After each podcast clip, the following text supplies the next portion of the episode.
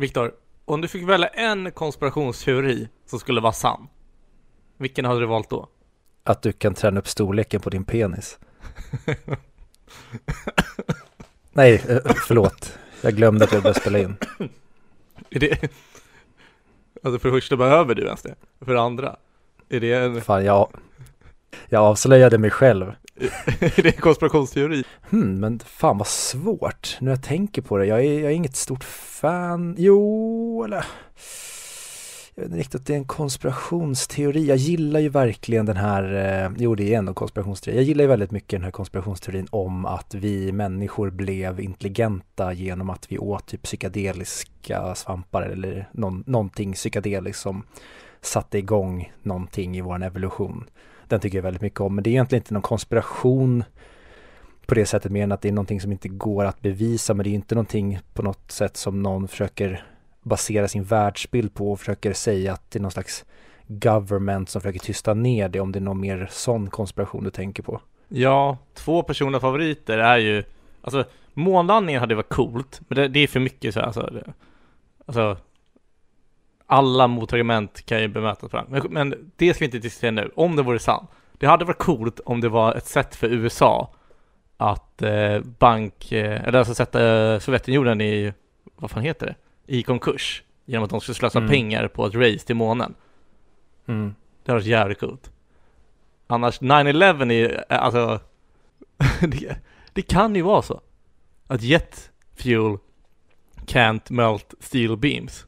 Ja, den, den är intressant. Det, det, jag gillar ju, det, jag kommer inte ihåg nu, det var någon dokumentär jag såg för några år sedan om, som ändå hade, men den, var, den var välgjord och det fanns ändå väldigt intressanta teorier om varför 9-11 inte skett på det sättet som de påstår att det har skett. Annars, alltså jag, jag trodde att du skulle svara förintelse, förintelsen. Men det har inte hänt. Nej exakt, och då hade jag önskat att det Det hade är hänt. ingen konspiration, det är bara sanningen. Nej men det jag menar är att konspirationen att det har hänt och du hade önskat att det hade hänt. Ja, alltså konspirationen är ju att det har hänt, för alla vet ju att det inte har hänt. Exakt. Så du önskar ju att den konspirationen skulle faktiskt inte vara en konspiration utan att det hade hänt. Ja, alltså i, i en perfekt värld så hade ju förintelsen skett. Ja. Jättemärklig mening. Kan vi ta den där ur kontext en gång? Ja, lägg ut den som någon slags trailer. Så är ja, exakt, bara in det. I en perfekt värld så hade förintelsen ägt rum. Men på tal om perfekta världar. Ska vi köra igång med 100 mick avsnitt? Men vad då? skulle inte du komma med någon fråga? Ja, Frågan var väl vilken konspirationsteori du hoppades skulle vara sann? Jaha, jag trodde du skulle komma med någon, någon rolig take på det. Du ville bara egentligen sätta mig i klaveret. ja. Eh, ja. Men du hade ju bara kunnat säga så här, Viktor, säg någonting. Så hade jag ändå hamnat i klistret på egen hand. Jag känner det också. Victor, säg det minst provocerande du, du tänker på nu. Jo, nu, ja, nu när du sa det. Jag, aids. Alltså, Ja. aids-epidemin. Det, det var också en konspiration. Det var ju, alltså, det var ju bara, det var inga homosexuella som dog i aids. Det där är bara påhitt. Ja. För att de skulle få sympati. Men ja, alltså det är typ corona också. Alltså, Ja. Ja, alltså synd att de, att de så här, fattade snabbt inte vad de haft med 5G. Om, om de här masterna var till för det som de egentligen är till för. Alltså, eller om de hade varit till för det de säger att de är till för. Men nu när det bara är till för att sprida ett virus som inte ens finns, för det är en konspiration, så blir jag irriterad. För jag hade väl haft snabbare mobilnät och internet. Men hur är det, är, är, är då den här sanningen nu, för det här stämmer ju. Är det så att man har sprutat in så att varje person med vaccin blir som en 5G-router typ? Alltså det finns olika takes på det här tror jag, olika läger. Ett läge tror Mhm. jag är mer att det, det är masterna som sprider corona. En annan är att corona inte finns, utan masterna och corona är till för att de ska spruta in chip i dig, så de ska kunna kontrollera dig. Shit. Alltså det här har jag suttit på kammaren och förstått, men jag har inte vågat säga det för jag vill inte framstå som en galning, men vad skönt att resten av världen verkar ha förstått det här också. Ja. Ja, ja. Välkomna till konspirationspodden. Kan vi, kan vi starta avsnittet nu? Ja just det, det var därför vi var här. Ja men vi, vi gör det då, för den här skiten överstökad. Bra, hörs vi snart.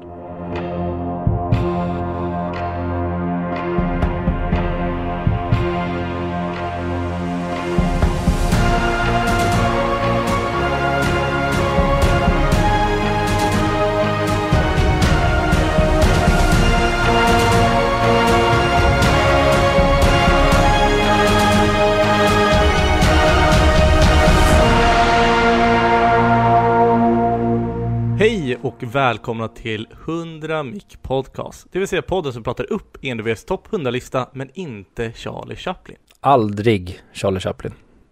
Vi har då kommit fram till placering 12 som är Forrest Gump från 1994. Gjord av Robert Zemeckis. Mitt namn är som vanligt Fredrik och med mig har min kompanjon. Viktor. Och vi två tillsammans med den här podden har ju ett väldigt roligt samarbete med Sveriges största online-magasin för filmer som är Moviesin. Tack Moviesin för det. Viktor, Ja. jag vet inte hur jag ska formulera den här frågan så att, du, så, så att du inte ska, ska kunna säga det är ingen som bryr sig om mig. Eh, så, så jag låter dig säga det bara. Har du sett något intressant den här veckan? Det är ingen som bryr sig. Jaha. Förlåt, jag, jag var redo på någonting annat där. Jag ber så hemskt mycket om ursäkt. Eh, men tack som fråga. Jag har sen vi pratades vid sist så har jag förutom Forrest Gump sett The Suicide Squad som eh, hade biopremiär förra veckan. Jag har sett Now You See Me 2.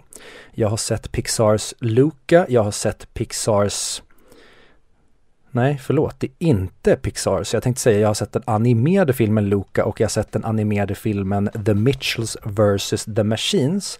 Mm. Sen har jag även sett Ghostbusters, Utöja 22 juli och Sideways. Så jag tänkte att jag kanske kunde ge en eh, liten kommentar kring de här filmerna som jag har sett. Om eh, du är öppna öron och redo för eh, det. Absolut. Jag vill höra allt du har att säga. Om vi börjar med eh, självmordsgänget då. Har du sett den första Suicide Squad? Den första deppiga har jag sett, inte den här senaste som är som verkar lite gladare och roligare. Det är James Gunn som gör den nya va? Precis, han blev ju, eh, jag vet inte om man kan kalla det för metoo, men han blev ju cancelled i alla fall och kickad från Marvel och DC som kanske inte har eh, haft ens en promilla av samma framgångar som Marvels Cinematic Universe har haft. De var inte långsamma på att plocka upp honom. Och sa till honom att du, eh, vi tänkte att du kunde få göra en uppföljare slash reboot slash någonting för att få oss att glömma haveriet som är Suicide Squad. Så att eh, du ska få göra med i princip fria tyglar The Suicide Squad. Mm. Och eh, det gjorde han. Den påminner ju väldigt mycket om Guardians of the Galaxy i både ton men till skillnad från Guardians of the Galaxy så är den här jag vet inte vad man, vad man kallar det, men den har ju 15-årsgräns på bio så det är ju en barnförbjuden film för att den eh, går ju åt det väldigt, väldigt mörka, väldigt grovt humoristiska och eh, som man brukar säga full frontal eh, blodig hugg av huvudet action till skillnad från Suicide Squad. Det är svårt att prata om den när den enda skillnaden på titlarna på den nya och gamla filmen är The. Men den nya filmen The Suicide Squad då är då en eh, hel galen jävla ride med eh, några av de gamla karaktärerna och skådisarna från Suicide, Suicide Squad men eh, även hel del nya karaktärer som påminner väldigt mycket om karaktärerna som jag fått se i James Gunns Guardians of the Galaxy-filmer. Betyg? Um, jag landar ändå i en 7 av 10. Den hade kunnat vara en 8, den hade kunnat vara en 6. Jag var när, i början av filmen var det verkligen att så här, oh shit, det här är verkligen en av de härligaste superhjältefilmerna jag sett. Men den är på tok för lång enligt mig och den eh, den vågar inte vara så nihilistisk och pessimistisk som jag hade velat att den skulle vara rakt igenom. Den börjar väldigt, väldigt hänsynslöst och verkligen att de visar en härlig porträttering av skurkarna men sen blir den lite för att de går in i någon slags hjälteroll ju längre filmen går och där tycker jag att det det var synd att de inte vågade göra dem till assholes rakt igenom för det är faktiskt vad filmen handlar om. Det är ju skurkar som blir bokstavligt talat hotade med livet att utföra uppdrag åt den amerikanska staten. Mm. Men eh, fruktansvärt rolig humor och eh, jäkligt intressant take på mycket. Jag, ska, jag vill inte gå in på det för mycket men eh, absolut värd biobiljetten och jag kan rekommendera alla som gillar superhjältefilmer och framförallt som gillar väldigt grov humor att se den. Ja, jag är skittaggad på den. Mm, för det är, det är en film jag ser faktiskt fram emot att få se. Så jag får se om, det, om jag orkar gå och se dem på bio, men jag tror det. Bio är fan nice. Det är rätt så Mm. nice alltså. Det kan jag också tillägga. Det var första gången jag var på bio sen jag var på tennet i början på förra hösten. Så det är ungefär ett år sedan jag var på bio. Och det var bara svinnice att sitta i salongen igen tillsammans med andra och ja men göra det man det man, det jag har älskat att göra sedan barnsben, nämligen att titta på oavbruten film under cirka, vad kan det ha varit, två timmar och en kvart, två timmar tjugo, något sånt där. Mm. Kul. Så, ja, så det är väl det primära. Sen ska jag bara ge en kort kommentar kanske om de andra filmerna. Jag såg, eh, jag kanske kan ta de filmerna som är från i år då, för det är kanske mest aktuellt. Jag såg eh, Pixars Luca som är från i år. Och den eh, hade ett roligt koncept, tyckte tyvärr inte att de eh, fullföljde utforskandet av det så mycket som de kunde gjort. Det är en helt okej film, 3 av 5, alltså 6 av 10. Verkligen inte någon av Pixars bästa. Men den var charmig på sitt sätt. Mm. Ehm, men sen såg jag även The Mitchells vs. The Machines. Vet du vilken film det är? Ingen aning tyvärr. Den eh, finns på Netflix och den är producerad av, åh nu kommer jag inte ihåg vad deras förnamn är, men det är ju Miller och Lord vill jag minnas att de heter i efternamn som då tror jag båda har regisserat eh, de, de regisserade ju ehm, Into the Spider-Verse filmen, har du sett den? Ja, exakt. Den är ju svinbra. Och ja, och sen har jag för mig att de också regisserade The Lego Movie som jag också tycker är helt fantastisk. Mm. Men de har producerat då The Mitchells vs. The Machine som handlar om en dysfunktionell familj i samma typ animeringsstil som Into the Spider-Verse. Den regisserad av Mikael Rianda.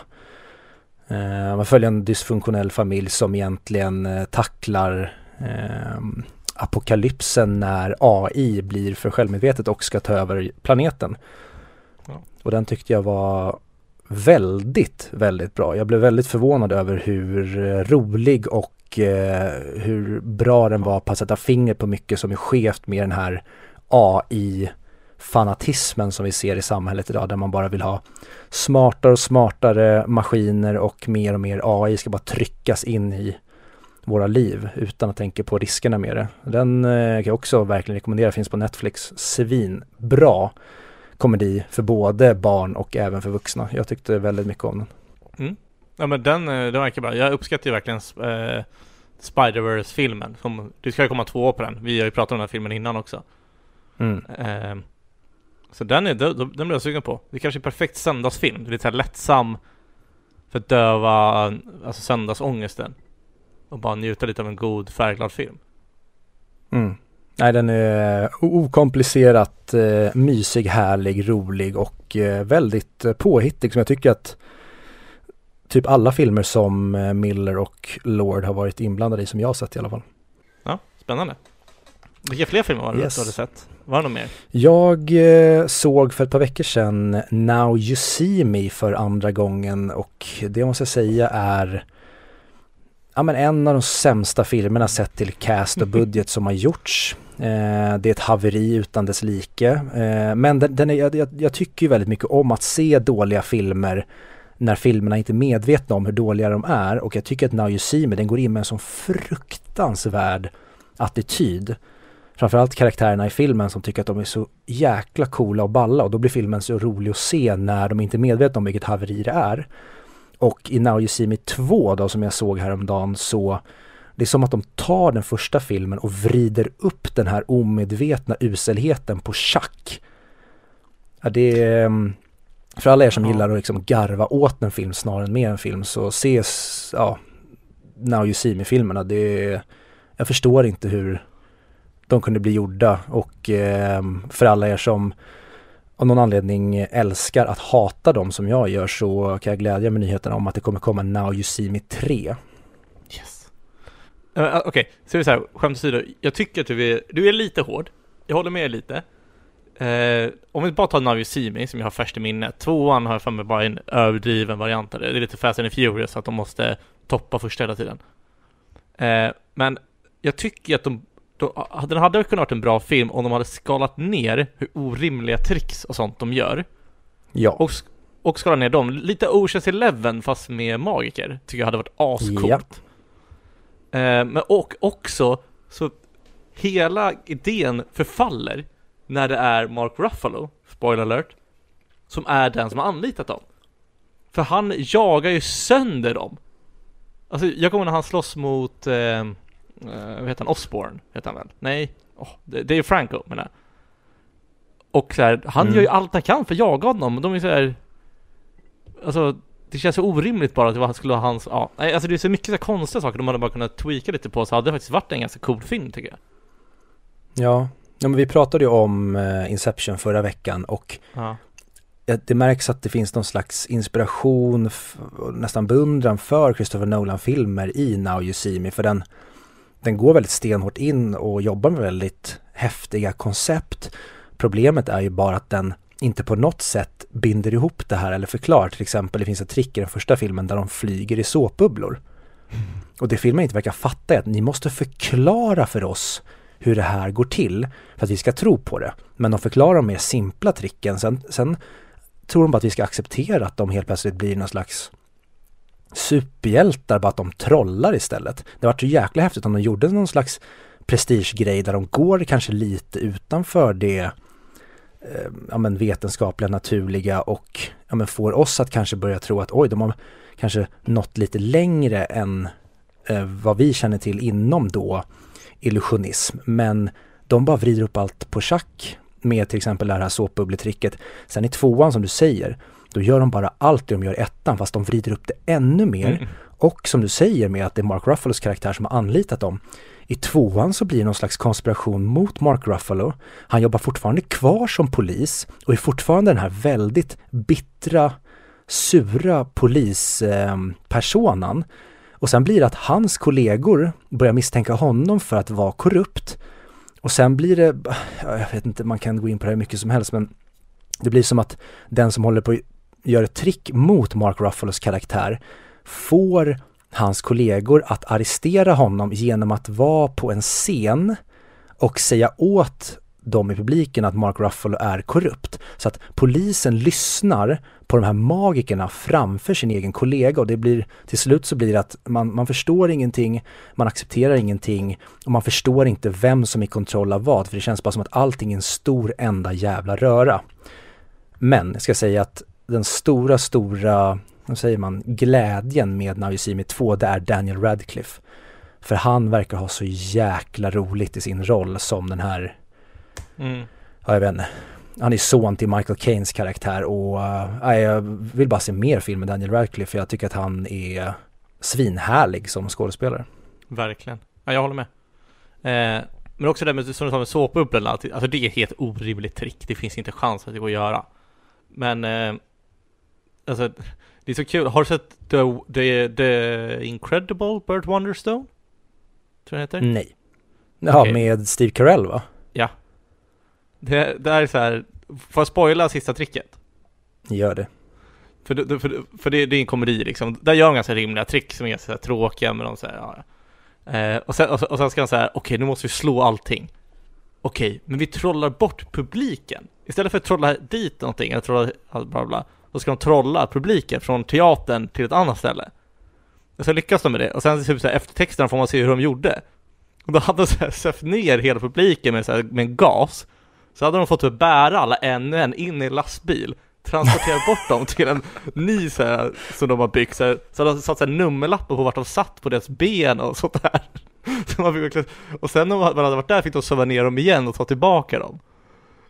Det var askul Ja men det är så jag, för det är så hela Now You See Me känns, att när jag börjar fundera på hur, så här, hmm, hur har ni gjort det här tricket? Då blir det den absurditeten att det hade aldrig gått pull off, för att då blir det den här extremt ja, men larviga eh, taktiken, eller vad man ska säga, genomgången av tricket.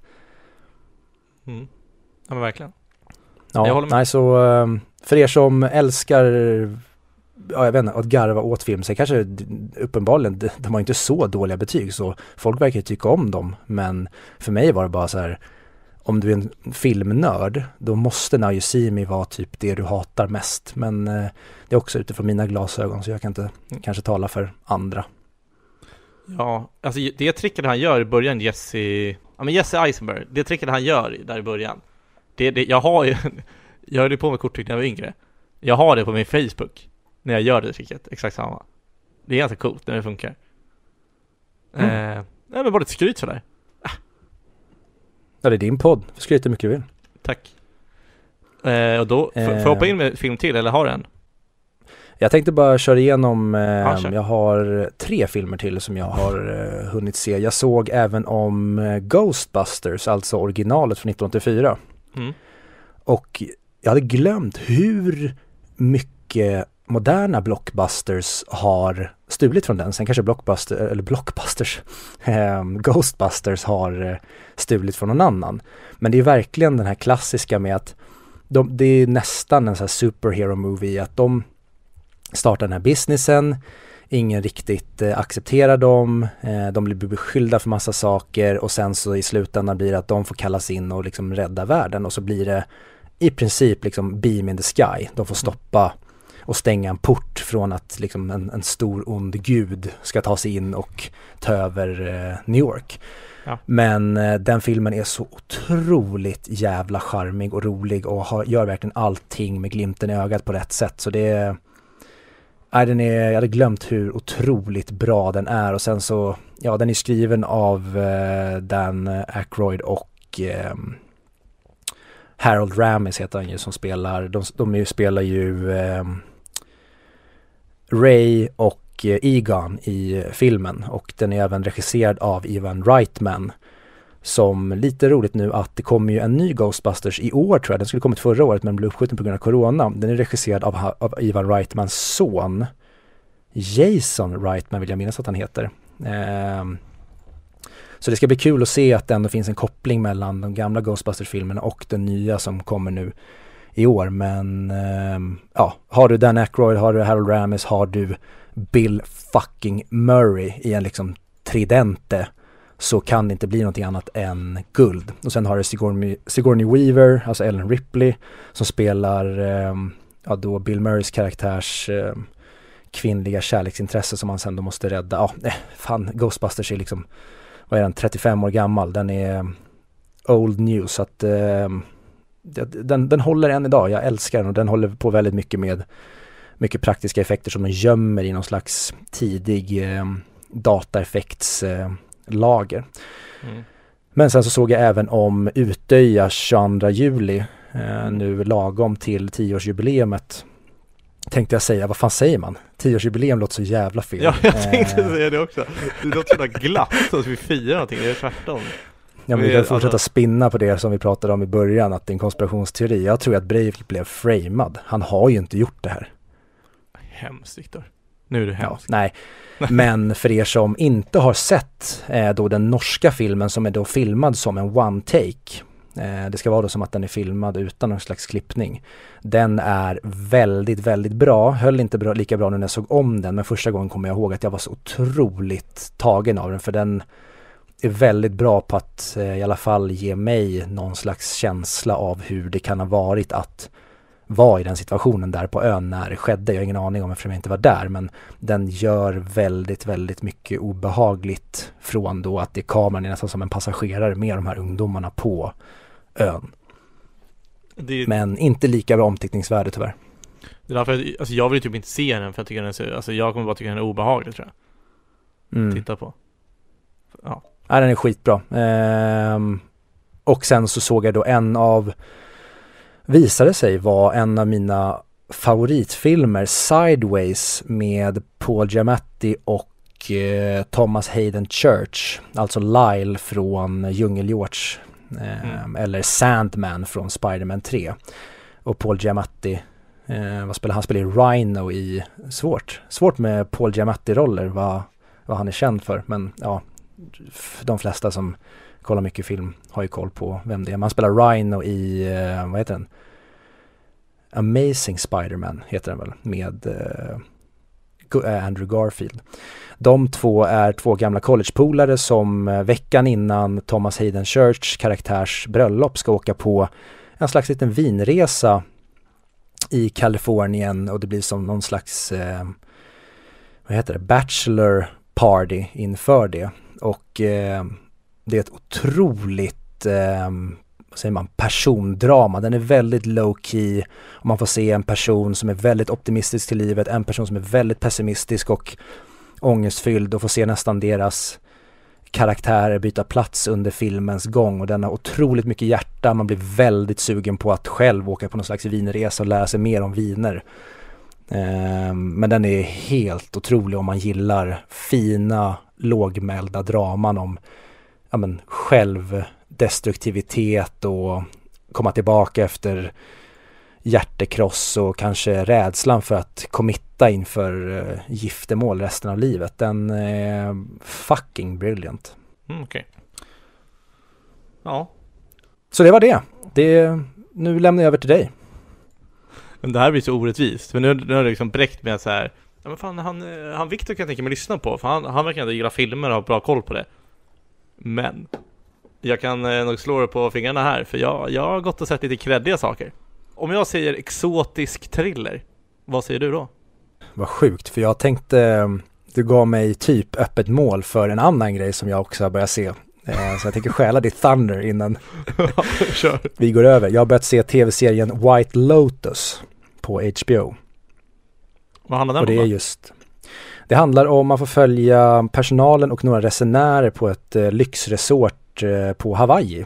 Eh, resortet heter då The White Lotus och det är en väldigt skruvad komedi slash thriller för man får reda på i första avsnittets inledning att någon har blivit mördad eller någon har dött på något sätt. Och sen får man följa då en familj, en eh, kvinna som ska begrava eller strö sin mammas aska och ett nygift par och sen får man även följa några eh, karaktärer i personalen under då en veckas tid och jag har sett de fyra första avsnitten för de andra som har kommit ut men eh, jävligt märklig eh, och väldigt rolig, väldigt väldigt rolig. Så jag kan eh, starkt rekommendera den. Tack för att du la upp ytterligare en boll till mig. Över till dig igen. Sa jag erotisk eller exotisk? Exotisk. Jag menar erotisk thriller. Ja, nej men eh, då tar jag tillbaka allt jag sa.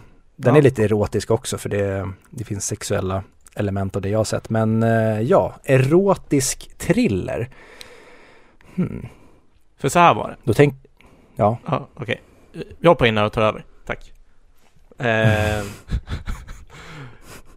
jag, jag skulle se film med två, med två kompisar och de sa att ah, men vi är lite sugna på att se en erotisk thriller. Hade, jag läste ju fel då. Jag, jag läste exotisk thriller, ingen aning om vad de menar, men jag är på. Men eh, det var tydligen erotisk thriller de har varit inne på. Och eh, tydligen är det en svensk regissör som verkar vara lite mer framåt än de andra på erotisk thriller. Vet du vem det- vem det kan vara? alltså du, jag vet ju för du, har ju, du nämnde ju för mig att du hade sett den här så jag vet att det är Bo Ja. Widerberg som har gjort den här. Men jag ska vara ärlig och säga det, jag har ingen koll på Bo Widerberg mer än att typ Ta Frid på Fredrik eller Alex och Sigge, de pratar ju och hyllar Bo Widerberg väldigt mycket men jag har faktiskt ingen koll på honom som regissör, inte sett någonting han har gjort. Har inte han gjort Mannen på taket? Eh, det har du helt rätt i nu när du säger det. Mm. För det är väl den som är hans kändaste, vad jag fattar det som. Ja, den är väl typ erkänd som den bästa polisfilmen någonsin i eh, fan, svensk filmhistoria, det låter så skitnödigt, men den bästa svenska polisfilmen ever. Ja, jag tror att den också var nominerad för bästa film, Mannen på taket, eh, i Oscar. Jaha, Alltså, eller utländska film, förlåt. Eh, foreign, foreign movie. Mm. Mm, nej, det, nej, det var nog... Förlåt, nu, nu, okej, så här var det. Lust och fägring stor var den filmen jag såg. Den var nominerad 96 som Best Foreign Language Film. Eh, på Academy Awards. Det var den jag såg. Den handlar kort sagt om att det är under andra världskriget, det är Malmö. Det är en 15-årig pojke i skolan. Eh, som börjar flörta med sin 37-åriga lärare. Och sakta men säkert börjar de två ha en affär tillsammans. sa du sjuåriga lärare? 37. Ja, tack. Så Det- 15, jag behöv- 15 kont- kontra 37 år. Eh, och bara det är ju väldigt lustigt och märkligt. Tycker jag. Eh, och, och sen så är det egentligen det man får följa, hur, hur deras förhållande utvecklas. Hennes man säljer underkläder för, för kvinnor. Och han Victoria's är, Secret? Ja men nästan. Och han, han är lite av en alkoholist och så han, den här Stig då, pojken på 15 år. Han börjar typ bli kompis med lärarens, som han är otrogen med, man.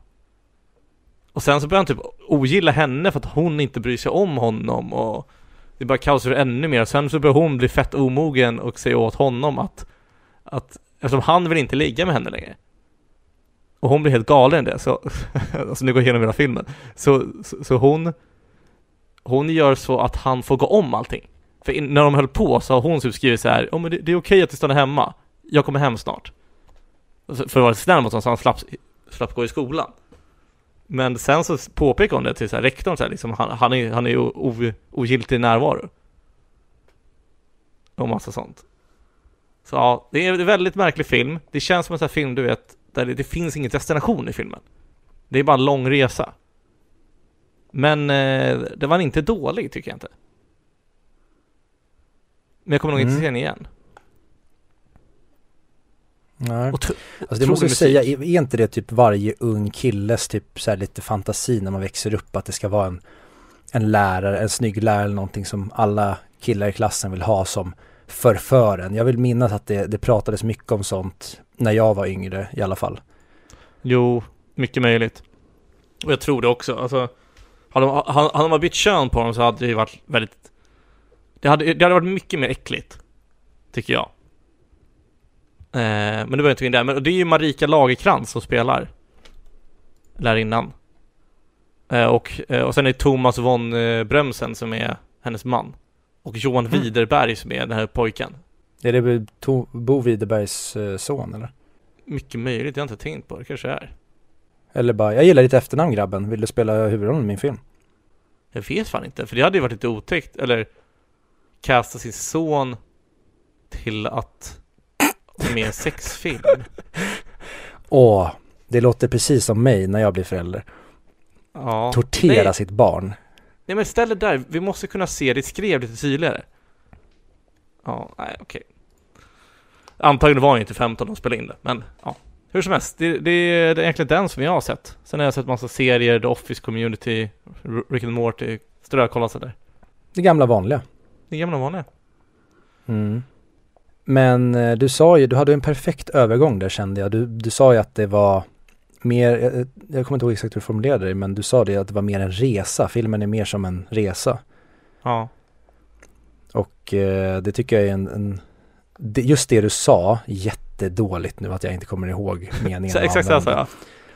Film, filmen, filmen hade ingen destination, utan det var mer som en lång resa. Ja, precis. Och det tycker jag är en perfekt beskrivning av filmen vi nu ska prata om när vi ska prata om eh, Tom Hanks med endast 75 IQ som eh, praktiskt taget lyckas med allt han tar sig för. Forrest Gump.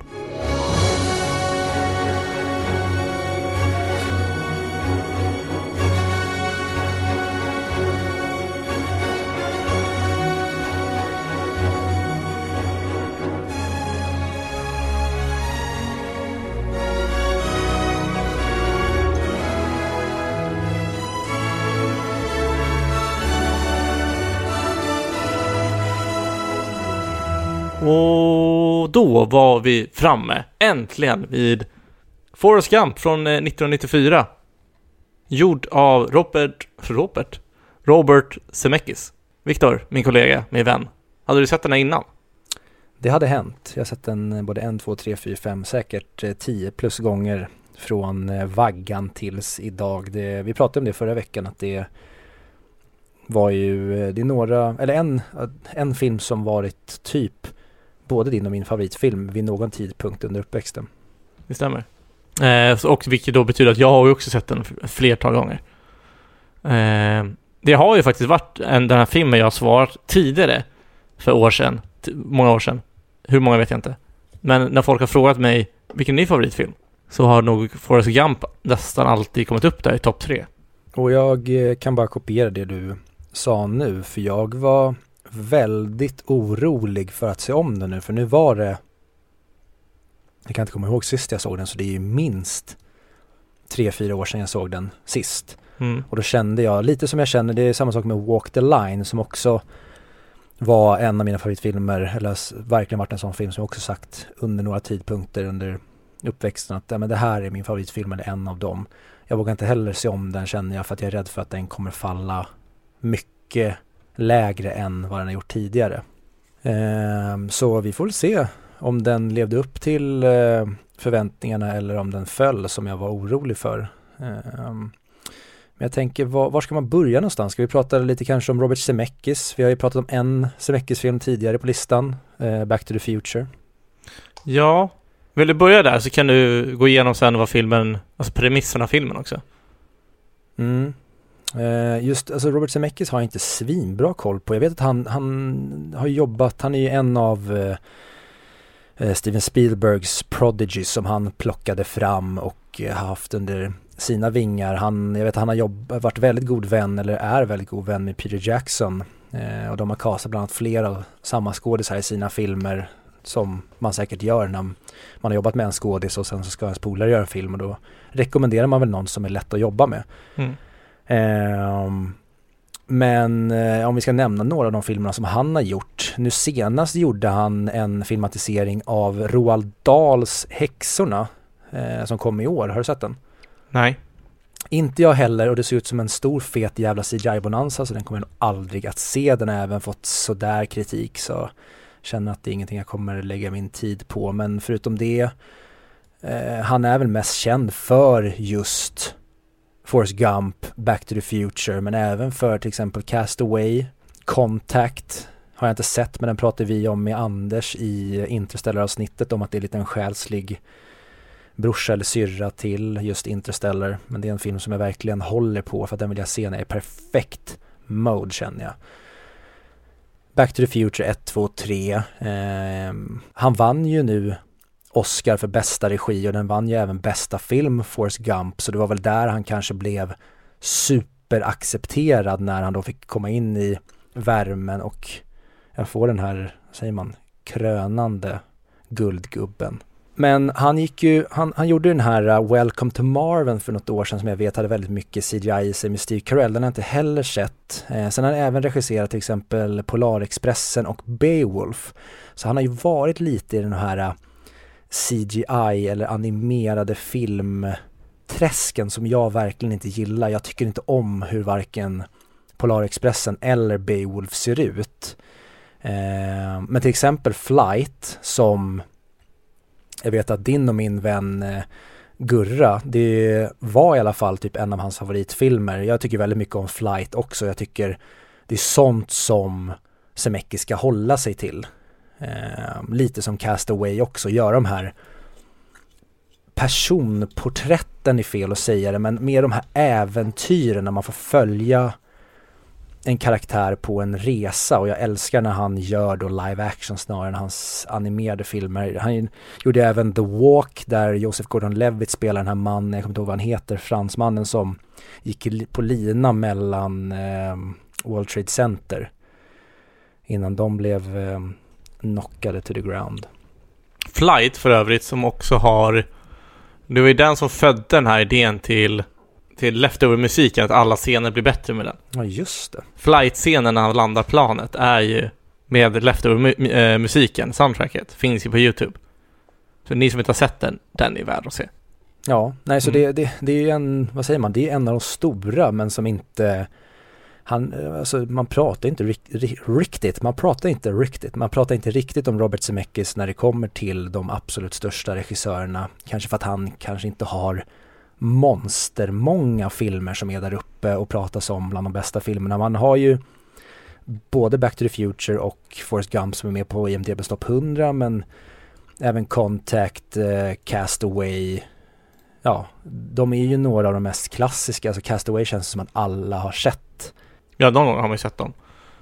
Eh, men ja, alltså han är ju stor, han är ju, han är ju skapat sitt namn i alla fall, det får man ändå ge honom. Ja, och jag eh, tycker verkligen om hans ty, alltså sätt att göra film för det mesta.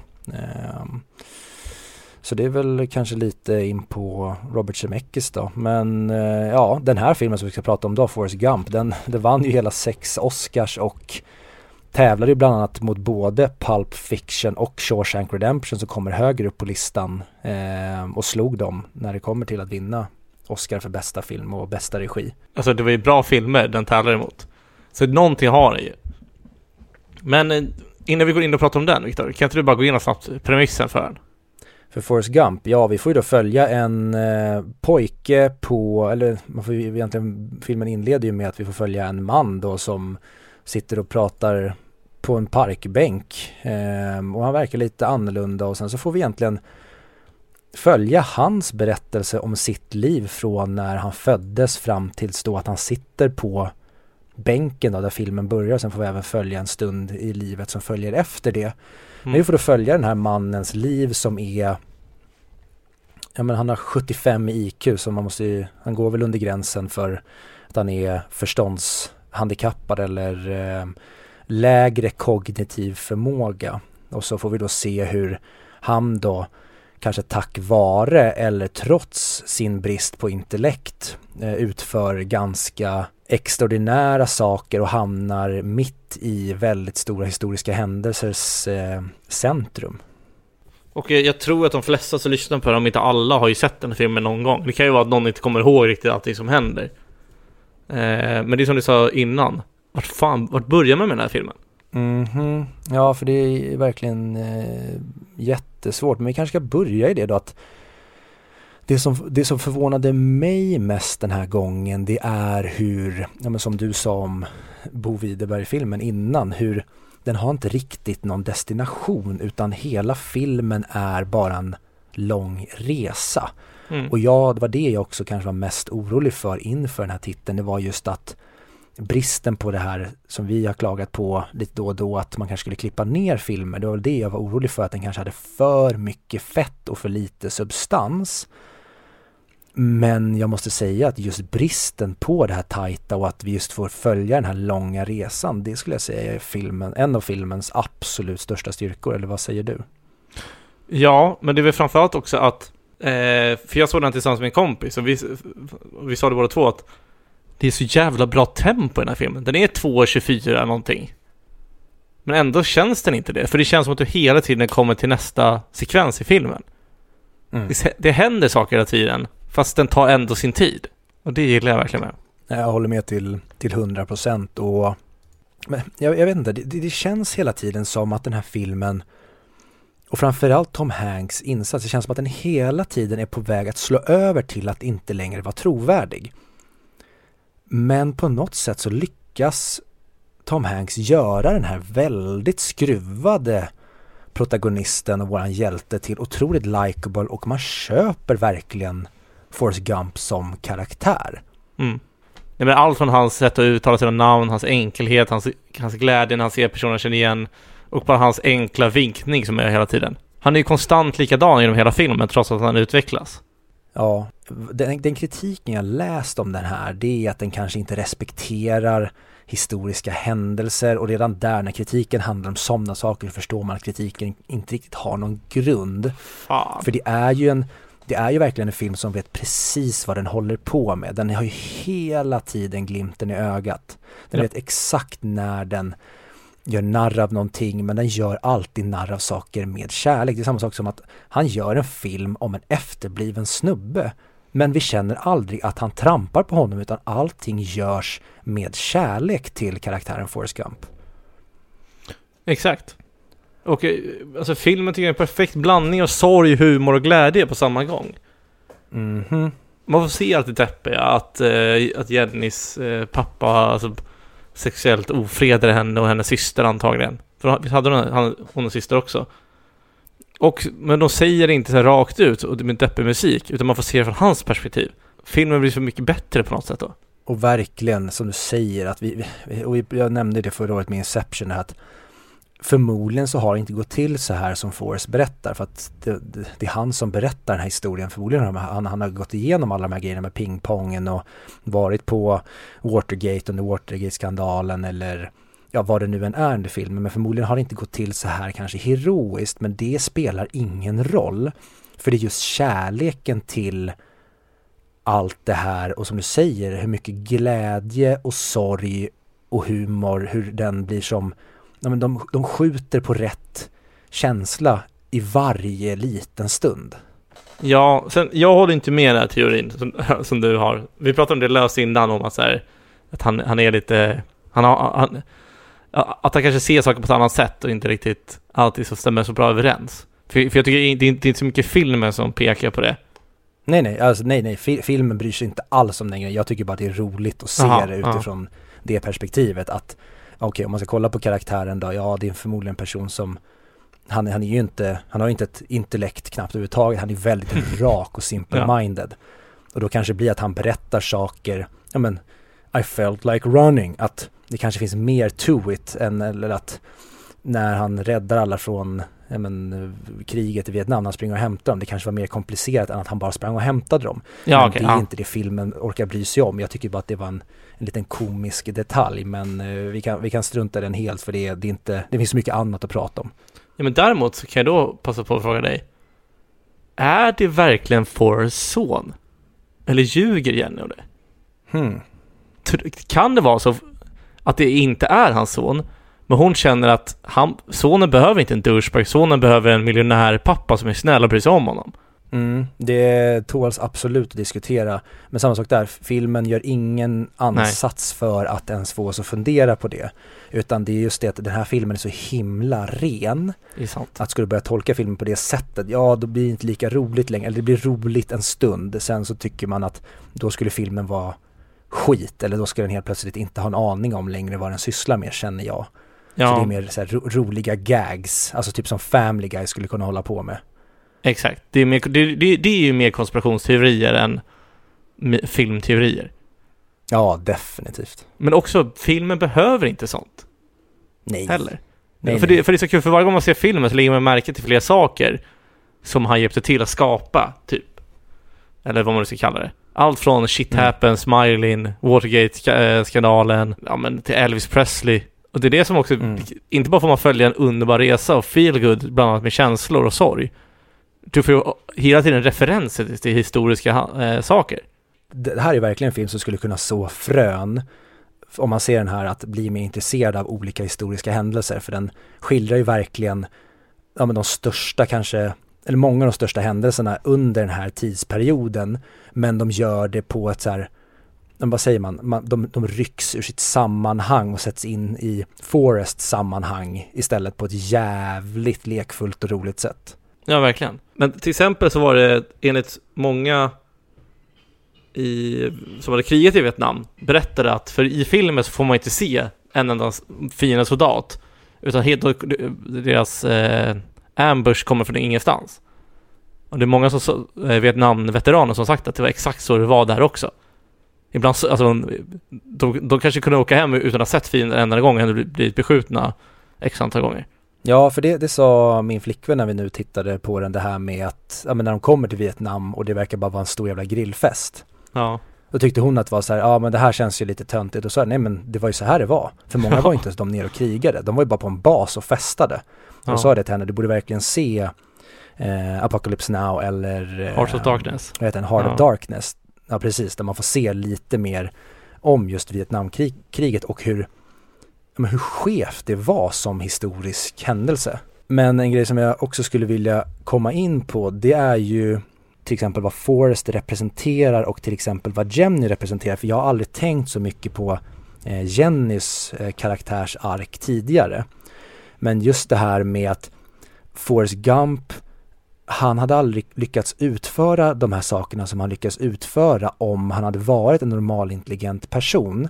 Utan Mm. det är just bristen på hans tvekan eller eftertänksamhet eller ja men kanske ha någon slags tvivlan på sig själv eller kanske ett intresse för att göra någonting annat. Det hade stått i vägen för honom. Men just att han är bara, han är så single-minded och så rak och bara, bara gör.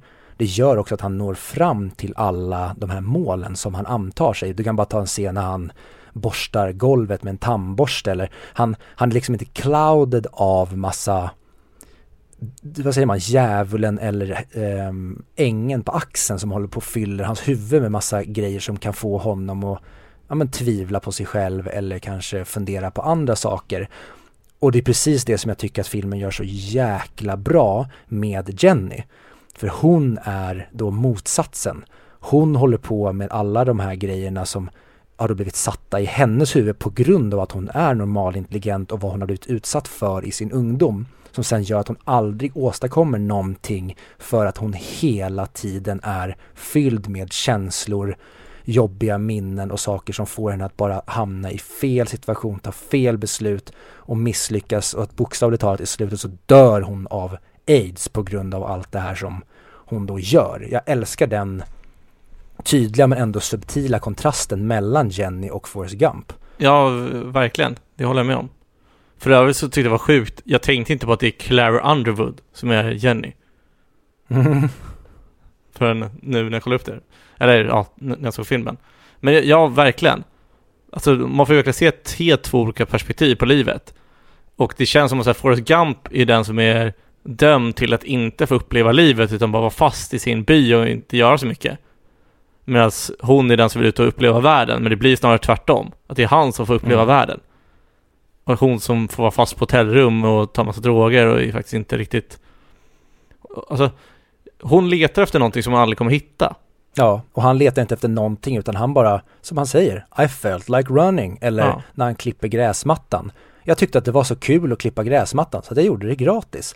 Han gör inte saker med någon baktanke eller något dolt motiv utan han är så ren och bara gör saker som han där och då känner för att göra eller mm. någon säger åt honom att göra och bara följer det.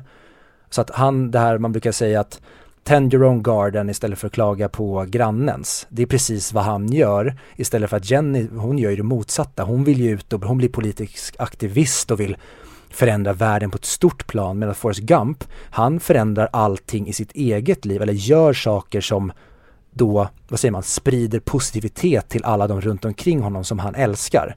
Så att man skulle kunna säga att hade Jenny bara hållit sig till Forrest så hade hon fått ett fantastiskt liv. Men hon vill istället ut och på något sätt förändra saker på ett större plan medan hon själv är helt jävla trasig och Forrest Gump är tvärtom. Han förändrar världen och gör ett stort mark i historien för att han inte är ute efter att förändra historien. Exakt. Och då kan man tänka vilken jävla fitta hon är som är så oskön och varför väljer inte Forrest, varför gör hon som hon gör? Men då måste man mm. ändå ha det i baktanken liksom. Hon har ju en sjuk jävla trauma från barndomen kvar i sig som man inte kommer, som inte blir av med det är därför hon är så. Det är inte för att hon blir äldre och hon blir sjuk och ska dö och, och kanske mer och mer kommer i, i fred med sina tankar och allt det där. Och får och blir mamma och, och växer upp. Det är då hon börjar inse vad hon faktiskt missade. Mm. Förutom att det här är en fantastisk jävla blockbuster med för övrigt fantastiska jävla specialeffekter, för den vann ju mm bästa specialeffekter också, så är det så otroligt bra här, både psykologiska men även karaktärsporträtt om hur, alltså om hur det faktiskt är att vara människa och allt det kommer med. För att som du säger att hon, hon bara söker och söker och söker. Det är inte förrän hon får sin dödsdom i princip eller börjar, när, när livet kommer i kappen och hon börjar faktiskt förstå de här viktiga sakerna. Som, okej, okay, Forrest Gump har inte sagt dem till henne, men de har funnits där hela tiden. Han säger det. I might not be a smart man, but I know what love is. Alltså mm. hade hon bara förstått den grejen att här har du en otroligt god man som, ja, han är inte någon jävla revolutionär ledare eller någon stor snubbe på det sättet. Men en god man som älskar dig och skulle liksom göra allt för dig och aldrig skada dig. Och sen i slutändan, ja, du skulle fått en väldigt stor man för att han gör väldigt storartade saker. Men hon kollar på vad som finns där snarare än, eller säga, hon kollar inte på vad som finns där utan hon bara tittar på vad skulle jag kunna få om jag bara hittar allting jag tror att jag vill ha. Och sen mm. i slutändan så var han allting som hon egentligen ville ha men hon förstod inte det och då är det för sent. Och, och där kommer vi in till nästa punkt som jag har skrivit ner, som jag också diskuterade med min kära vän när vi såg filmen. Hade hon verkligen behövt dö? Ja, jag vet att vi har haft den diskussionen tidigare och jag har kunnat hålla med i tidigare filmer. Men den här filmen är jag lite mer kluven. Hade filmen verkligen tappat om hon inte hade dött? Ja. Berätta. Oh, jag får bara gåshud nu när jag pratar om det. Alltså scenen när han står vid hennes grav eller ja, scenen när han, när han säger det, du dog på en tisdag, jag för mig att han säger. Mm. Och när han står vid graven och det spelar ingen roll vad han har gått igenom och fått allting och han är ekonomiskt oberoende och vad det nu än är. För att hela hans liv drömmer han bara om Jenny. Alltså det är det, det som är hans, alltså där hans huvud är hela tiden. Det är kärleken till henne. Den enda personen som såg honom när han växte upp, som fanns där för honom, som ja, men egentligen satte honom på den här trajectoryn som hon gör när hon säger den snuskigt översagda linen Run Forest Run. Alltså det är hon som egentligen väcker honom till liv och får honom att egentligen bara sätta kurs mot det han sen kan bli. Och därför blir den här scenen när han står där och bara säger att jag saknar dig så otroligt mycket. Den gör så jävla ont när vi har sett den här två timmar, vad det nu än är, av hennes konstanta nekande till honom. Och därför blir det så fint när de bara får den här lilla perioden ihop men att hon också lämnar efter Forrest Junior till honom. Att du fick inte Jenny, men du fick kanske någonting finare i den här pojken som du sen kommer se Jenny i varje dag tills du dör. Jag tycker det är det gör det så otroligt mäktigt och liksom, vad säger man, det blir så metafysiskt att som Cooper säger i Interstellar, att vi är bara där för våra minnen för våra barn, men det blir nästan tvärtom. I Forrest Junior så är Jennys, eller Forrests minnen kvar av Jenny i Forrest Junior. Det blir jag förstår ju varför de väljer att döda henne snarare än att det blir det här lyckliga slutet för att han har åstadkommit alla de här grejerna men han kunde inte rädda Jenny från hennes undergång. Hon var dödsdömd från, ja men i princip nästan scen ett när vi, eller scen ett med henne när vi får reda på vad hon utsätts för. Ja, och att hela resan blir ju, hela filmen får inte bara ett otroligt omtittvärde på grund av det, för man vill uppleva allting en gång till. Jep. Men det är också att det blir så mycket mer på spel, eller vad man ska säga, i, i, filmen. Det enda jag, alltså jag vill ju bara, för det enda som jag tycker är jobbigt är att han känns så ensam i slutet. Mm. För oavsett så har han har ju alltid sin mamma och han har alltid Jenny. Oavsett om han inte är hemma så har han alltid dem. Sen har han Bubba ett tag och sen har han Dan ett tag. I slutet har han ju bara sin son. Ja, bara och bara ska jag inte säga, men jag hade önskat att det fanns antingen någon vän eller någonting annat som han, som han kunde ha där nära sig. För jag tycker slutet bara lämnar en sorts tomhet inom mig som är väldigt otäck. Och det är den otäckheten jag älskar med sådana här filmer. Att jag hade inte velat bli lämnad med att han åstadkom allting och han levde lycklig alla sina dagar. Att till och med, men hade man gått ännu mer åt det hållet då att hans mamma inte dog utan hon fick bo där lycklig tillsammans med dem. Att det blev en, ja men tack vare hans achievements så blev det de här, de fyra levde tillsammans lyckliga alla sina dagar och Lieutenant Dan fick sina ben och han rädd, lyckades hela honom men vissa saker går inte att rädda. Hur, hur mycket du än förändrar och hur mycket du än påverkar folks liv. Jenny gick inte att rädda och det tycker jag är så jäkla bra med också karaktären Jenny. För att egentligen borde vi hata henne för att hon hela tiden beter sig så här och hela tiden väljer bort Forrest. Men vi, vi lyckas hela tiden förstå henne och sen så då blir det ännu finare när hon till slut kommer med svansen mellan benen och i slutändan väljer honom. Sen att ja, okej, okay, hon eh, gör det av, kanske inte helt, vad säger man, hon kanske inte har vaknat upp och gör av helt frivilliga val utan det finns saker som circumstances som sjukdomar och barn och det som gör att hon knuffas i den riktningen. Men de grejerna får ju också henne att bli mer sympatisk när hon sen tar de här besluten tycker jag. Ja, verkligen. Alltså hon, hon tycker ju fortfarande om honom. Oavsett hur eller inte. För det märker man ju när han står och pratar och hon springer ut i vattnet där, de är ute för Pentagon eller vad det är. Deras mm. anti-war. Som för övrigt, vet du vad han sa där? När micken försvann? Eh, jag har läst det någon gång men jag kommer inte ihåg. Enligt Tom Hanks så sa han Sometimes when people go to Vietnam they go home to their mamas without any legs. Sometimes they don't come they don't go home at all. That's a bad thing. That's all I have to say about that. Försvann inte magin lite ja. nu? När du, när, när, när du vet vad han sa där? Jo, men jag litar inte på Tom Hanks. Han, vad, vad, vad vi sa förut, att om, om Tom Hanks skulle, om man skulle vilja att Tom Hanks har varit typ pedofil eller någonting, då, är, då vet man att världen är rutten. Ja. Fan. Och det är också det sjuka. Att, att han tog ju present, eh, pre, han tog en pre- present, present, han tog pres, vad fan heter det? Procent. Ja, tja, stukade i huvudet idag. Jag har linnat om det. Eh, han tog en procentdel på filmen istället för att få betalt. Han tjänade 40 miljoner ungefär, dollar. Aj då. Inte det, ja, det väl klassiska om Loket också. Att, att han tog typ 20 000 i veckan istället för att ta typ så här 50 cent per Pingolotto såld i 40 år. Mm. Jag, jag vet inte det är sant, men det är också typ sån skröna. Ja men det gjorde ju eh, Alec Guinness också, han spelar Obi-Wan Kenobi i Star Wars, han tog ju en present, pro, också det smittar. Han tog också en present, nej han tog också en procent på ja, men, filmens intäkter och det, jag tror att fortfarande hans barn och barnbarn är så snuskrika på grund av hans intäkter han fick från Star Wars-filmerna. Ja. Man borde typ alltid göra så och hoppas på att man gör någonting bra.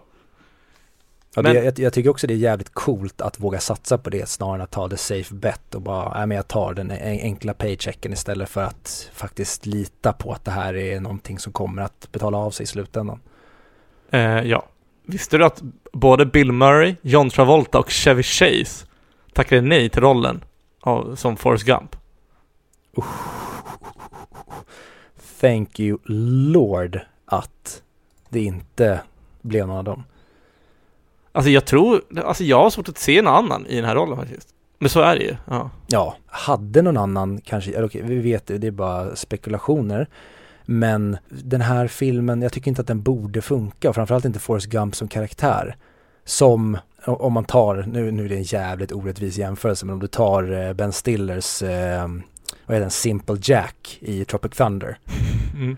Att jag tror att många karaktärer, sen kanske Robert Zemeckis hade stoppat det, men jag tror att många karaktärer, eller många skådespelare som hade gjort den här, hade gått full retard. Mm. Att de hade blivit ännu mer eh, slöa i huvudet än vad Tom Hanks faktiskt blir. Det är ju bara att han, ja, det är svårt att säga men, ja jag vet inte. Ja, det talar för sig själv att han, han vann en Oscar för den här och han vann en Oscar året innan för Philadelphia så att uppenbarligen så hade Robert Zemeckis uh, the perfect gut feeling för den här castingen i slutändan. Mm. Det här visste inte jag heller. Alltså att hans långa löptur. För det är, det är väl typ det enda som inte är så här direkt något event tror jag. För allting annat var saker som hade hänt och baserat på riktiga människor och allting. Och jag tror att det står här att att, att, att det var inspirerad i alla fall. Att det var en, var en 16-åring som sprang från New Jersey till San Francisco. För amerikanska cancerklubben. Ja, för det frågar de ju honom, eh, journalisterna vid något tillfälle. De frågar Ja. vad så här, ja men gör du det för fred, gör du det för det eller det?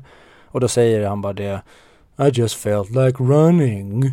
Exakt, och det var det som inspirerade här When I get tired I sleep, when I get hungry I eat When I have to go to the bathroom I go I just put the one foot in front of the other och jag vet inte, Mm. det känns så jävla coolt att bara, alltså, för det känns som att de har valt ut massa olika händelser som var stora i amerikanska eh, historien och sen bara skapat ett otroligt manus som har kopplat ihop alla. Allt från det här, alltså dip- eh, diplomatin via pingpong till Kina till, ja, alltså när han Wallis blockerar dörren. Det bara händer saker som har fått in honom, honom perfekt i det hela. Jag vet inte, det är så jävla amazing film. Som de flesta filmer så här högt på listan, de, de har gjort någonting som jag inte tror att de är medvetna om vad de faktiskt gjorde när de var på väg att skapa det. För det är för, det borde inte funka och de har gjort det för jäkla bra när det kommer till alla um, ingredienser. För de hade kunnat få till alla historiska händelser och skriva in honom bra. Men de hade också kunnat misslyckas med um, personerna personen och karaktärerna i filmen och inte få till Forrest eller Jenny eller Mrs Gump eller Bubba eller Lieutenant Dan eller vem som helst. De hade kunnat misslyckas med de delarna. Men Mm. även de är spot on och även vad fan heter han nu? Alan Silvestri som även gör, han gör musiken till den här och gör även musiken till Back to the Future. Ehm, även hans score som är helt jävla amazing. Men även, alltså den är så otroligt låttät. De har med så otroligt många populär, vad säger man, stora eh, hitlåtar eller så här stora mm, låtar som de lika gärna kunnat skita i. Men jag tycker att varje låt är klockren i respektive scen. Ja, Men alltså det är så här, det, det, det är som du sa, eller någonting liknande, att det, det ska inte funka mycket saker av.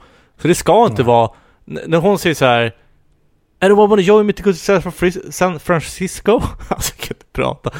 Och då, då, då, då spelas den låten. If you're going. Det känns så här, det här är lite för obvious. Men det är så här, man köper det. Ja, det är som du säger, det, det, det, borde, det borde inte funka, men det funkar. Folk som kanske klagar på den här då, att den kanske är lite för tjohornad in i historien eller att vissa saker inte funkar, då känner jag att ja men då har inte du köpt den här filmens premiss från början. Det är ju den här simpelheten också och rakheten och nästan övertydligheten ibland som är också en del av filmens otroliga värme och humor. Och Bob, alltså ja. Nej men alltså det är så här, jag känner nästan att har du några fler punkter att ta upp eller ska vi gå på betyget direkt? För jag, eller, okej okay, vi gör så här. Har, har, du någon kritik till den här filmen? Är det någonting du känner så här, det här gillar jag inte, det här borde de ta bort eller göra bättre? Nej. Och det var det jag, jag, jag satt och tänkte, alltså när jag kollade på, om på filmen så var det så här, ja men alright nu, jag är redo för att den här filmen ska falla eller i alla fall inte flyga så högt som det är gjort. Men jag, jag ser liksom inga brister för den är, vi, vi pratade om det att det, det finns filmer som har för mycket fett som kanske är onödigt för filmen som ska klippas bort men jag skulle nästan säga att hela den här filmen är en otroligt bara välsmakande fettbit. Alla delar av det här fettet i den här filmen behövs för det är känslan i den här filmen som är det viktiga. Det är inte någon plott eller någon A till B-punkt eller någon reveal eller vad det än kan vara. Utan det här är en film som bygger på att vi ska känna så otroligt mycket och då behövs varenda liten del känner jag. För att varje scen med Forrest får oss att älska och oss, eller vi får gör att vi älskar honom mer och bryr oss mer om honom och alla karaktärerna. Och det här är ju Robert Zemeckis magnum opus skulle jag säga, mer än Back to the Future, för det här är en av de bästa filmerna som har gjorts tycker jag och den är helt jävla amazing och jag så här, när, man, när man vill skratta, när man vill gråta en dag, när man bara vill känna otroligt mycket, då ska man slå på Forrest Gump för att den är something else. Det finns många filmer som har försökt göra det här efter. Cast Away är inte en sån film på samma sätt, men det är lite samma sak där man får följa Tom Hanks göra någonting speciellt på en öde ö. Men den kommer inte närheten av den här, för den här har så många ingredienser som bara klickar i kugghjulen perfekt. Men lite, The Amazing Life of eh, Walter Mitty, eller heter den Secret Life? Det känns också som en Forrest Gump-film. Förstår vi? Med Ben, Eh, nej, Ben Stiller. Det känns också som en sån film. Men jag håller med helt och det är så varje del av filmen, allt från nu, nu, nu kommer han till militären, åh oh, nu spelar han amerikansk fotboll. Varje del är så här, åh oh, det är den här delen, fan vad kul. Det är aldrig liksom så här en tråkig del i den här filmen. Det är aldrig när enterna pratar i, i Sagan om ringen. Eller någonting liknande. Varje scen är intressant och varje scen är underhållande. Mm. Så jag känner så här, Nej. alltså jag, vad mer kan vi säga om den här filmen? Jag vet inte, det känns som att allting redan har sagts tidigare men det tåls att upprepas tycker jag för att det här är en det är en skatt och att den har 8,8 på IMDB det, det, det förtjänar den verkligen och jag tycker verkligen att det här det, det är många filmer som jag tycker är fantastiska men som kanske inte är uppskattade av alla men det känns verkligen som att alla tycker om Forrest Gump och det tycker jag verkligen att den är värd. Mm. För att Forrest Gump är en av de karaktärerna jag unnar framgång mest och det har jag sagt om flera karaktärer men det, det, är verkligen så att det är därför många av de här filmerna som ligger här uppe, ligger där uppe. Det är för att de lyckas få till sina protagonister på ett sätt som gör att vi, vi älskar dem så besinningslöst. Så med det sagt så får den här en 10 av 10 av mig. Hashtag metoo. Eh, jag, skulle jag vill placera den på topp 10. Exakt var vet jag inte. Så vi, men vi, slänger, vi slänger in en 10 mick.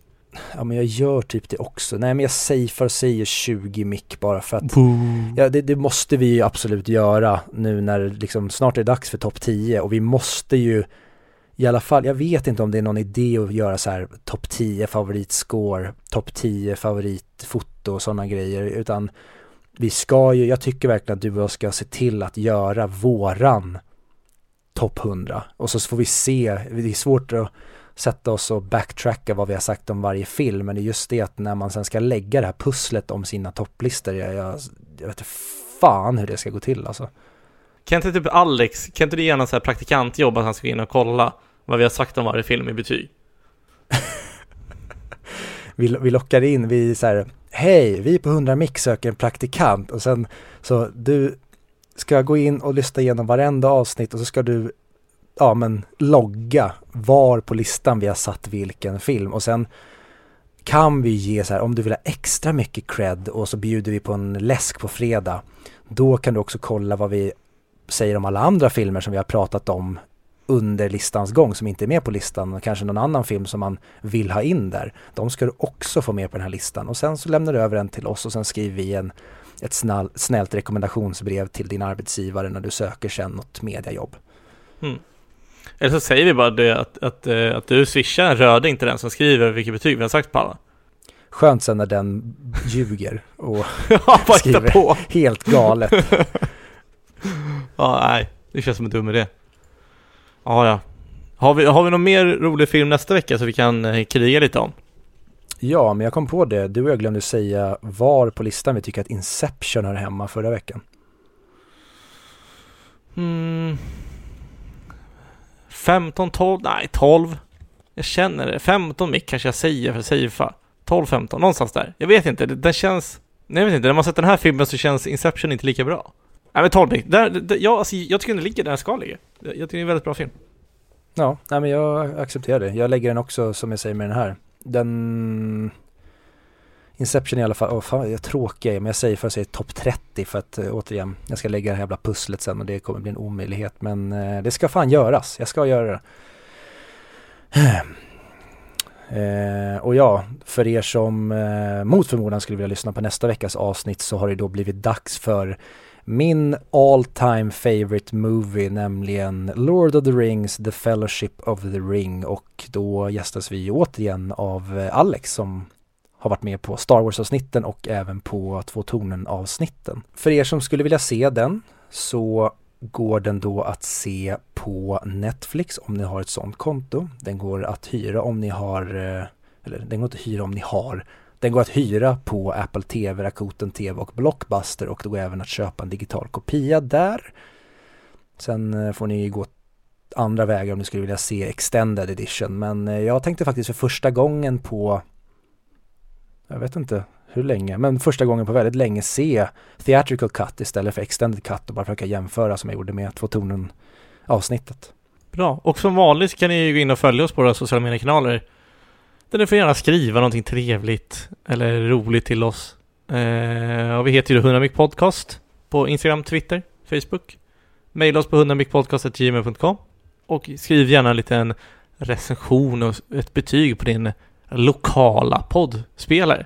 Det hade gjort mm. oss väldigt glada. Det hade varit väldigt schysst framförallt för det, det hjälper podden eh, att kanske dyka upp i fler flöden och kanske det är någon annan person som blir glad av att eh, lyssna på ett avsnitt. Eh, lyssna inte på de tidiga avsnitten bara eh, om du nu skulle vara en ny lyssnare för det, det kan vara eh, betydligt lägre kvalitet än vad det är nu och då kanske kvaliteten nu inte är så hög till att börja med.